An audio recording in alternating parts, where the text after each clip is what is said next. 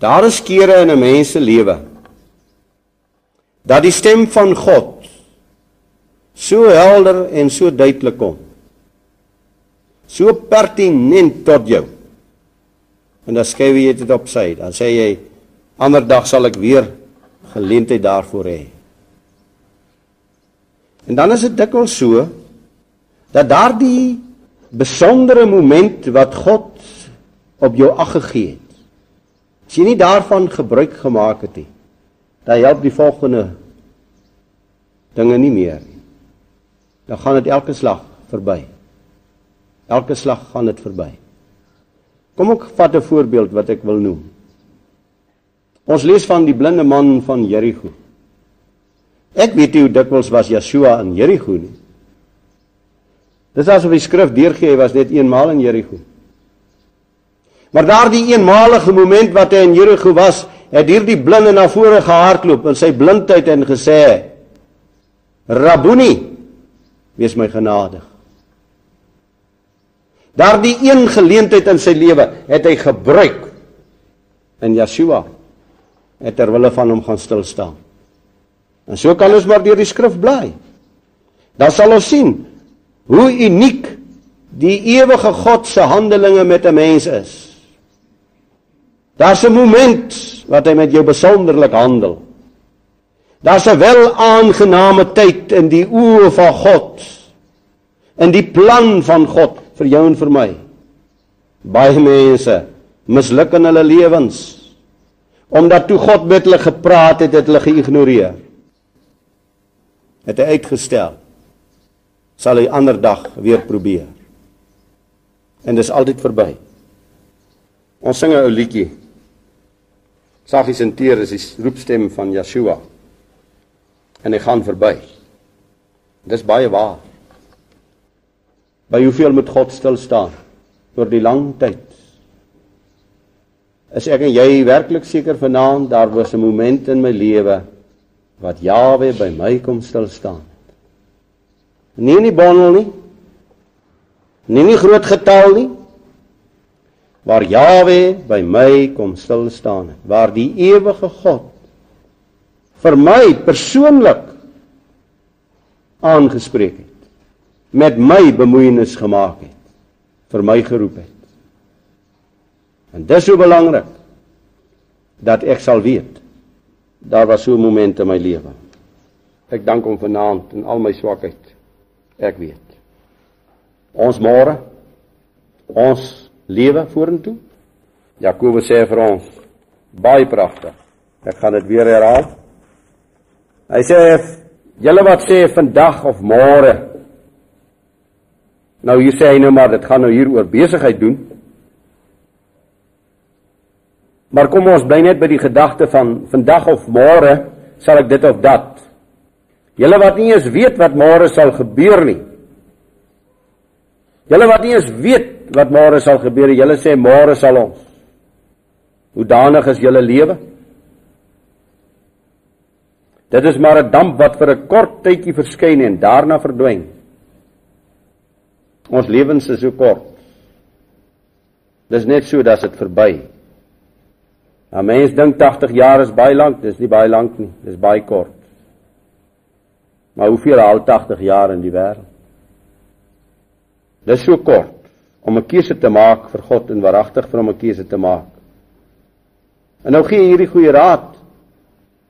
Hy sê as jy wel sê môre sal ek dit of dat moet nooit dit sê sonder dat jy sê as Jawe wil en ek lewe. As dit in die wil van my God is, as dit onder sy sterk hand is, as dit binne sy genade is, dan sal ek so en so. Dan kan ons maar oplet. Kom ons doen so 'n bietjie kontrole oor ons besluite vir môre en oormôre. Dan kyk ons in ons lewe hoe dikwels sê ons as dit die Vader se wil is. As God met my is, dan sal dit kan gebeur, anders nie. Sondebeleidnis, geloofsekerheid, die regmaak van ons lewens, die vergewe van iemand anders. Ons mag dit nie uitstel tot môre. Ons moet dit vanaand doen. Want nie een van ons sal met kwaad voor die aangesig van God verskyn nie. In sy heerlikheid. Dis nie moontlik. So ek moet vanaand regmaak. Ek moet vanaand regstel. Ek moet nie vanaand gaan slaap nie. Ek het so dikwels op huisbesoek by baie pragtige mense uitgekom. Dan vra ek vir hulle of hulle seker is van hulle saligheid of hulle oortuig is daarvan dat hulle kinders van God is. Dan weet hulle nie. Nie die man nie, nie die vrou nie, geen kind in die huis nie. Dan sê ek nou, wat verhinder julle? Wat verhinder julle om julle keuse te maak vir die verlosser in sy pad te loop? Dan weet hulle nie. En as ek so klaar gebid het en opstaan en uitstap uit die huis, dan sê ek, luister. As ek in julle toestand is, wat julle is, geslaap ek nie vannag nie. Wat ek baie reg gekry daardeur deur die Vader se genade is dat die volgende Sabbat dan sit hulle in die erediens. Het hulle wel bekommerd geraak. Wie van ons wat vanaand hier sit dat al 'n bietjie ouer is, het uh, vir ons voorgenem, ek wil tog so graag sê nou maar vrou broer Jan nog gaan besoek. En ek het daai skerp gevoel, daai skerp behoefte, ek wil hom nog gaan besoek. Maar voor ek by hom uitkom was hy weg van hierdie wêreld. Dis baie waar. Werk wat ek vandag moet doen moet ek nie uitstel vir môre nie. 'n Getuienis wat ek vandag moet lewer, moet ek nie uitstel vir môre nie. Nou stel ek maar uit, moontlik gebeur daar iets nie. As 'n mens werklik laag buig voor die Vader en sy aangesig soek, sal hy vir jou antwoord gee. As jy sy kind is, sal hy vir jou antwoord. Baie beslis. As ons dan hierdie pragtige Jesaja 1 lees, Dan sê God vir sy volk: Kom nou en laat ons die uit, saak uitmaak sê Jawe. Kom nou, want wat lees ons as ons voortlees in die Jesaja boek? Dan lees ons hierdie tragedie dat die volk het nie kom regmaak met God nie en die en die toorn van God het net vermeerder. Het net geweldiger geword. Sodat God hierdie volk van sy aangesig af verwyder het. Het hulle tog maar daardie dag toe hulle gehoor het kom nou. Maak nie saak hoe groot jou sondes is nie. Dit kan skrikwekkend wees. Hoe staan dit hierso? Alles julle sondes so skarlaken. Alles het rooi soos purper. Kom nou en laat ons dit uitmaak.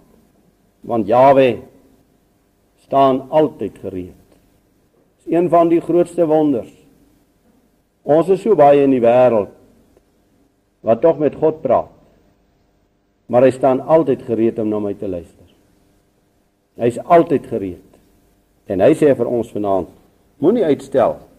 Het die volk Israel tog maar geluister toe die Vader gepraat het. En terwyl ons daarmee wil ek afsluit. Terwyl ons in so 'n negatiewe tyd lewe. Baie negatief. Mense raak so verskriklik negatief. Iemand vra nou die aand vir my in die bid hier. Hulle het nou gelees van matrieks wat nou selfmoord pleeg. Want wat is die sin van hulle lewe? Waar sal hulle werk kry? Wat sal hulle môre doen?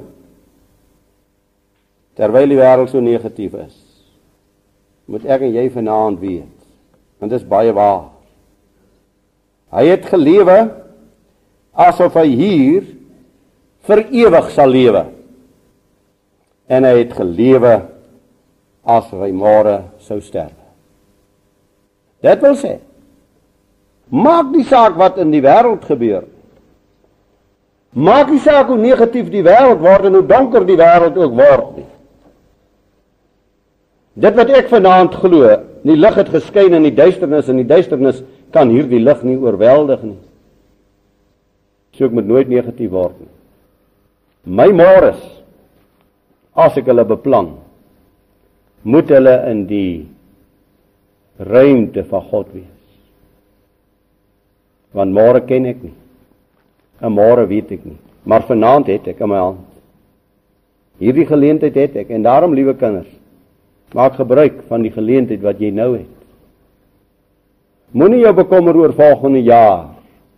Moet jou nie bekommer as ek matriek die dag sal maak, wat sal ek dan gaan maak nie? Wat sal dan daar vir my in die wêreld wees nie? Doen vanaand jou deel.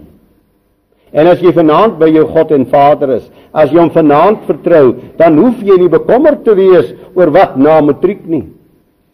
Want daar sal hy by jou wees. En hy sal vir jou deure oopmaak. En hy sal jou dit laat geluk. Dit bly die heerlike wonder van die geloof wat God aan my gegee het. En elkeen van ons het vanaand hierdie geleentheid om seker te maak voordat ek vanaand gaan slaap, voordat môre aanbreek, het ek met God reggemaak. Het ek met my naaste reggemaak. Het ek wat ek moet hê voordat môre aanbreek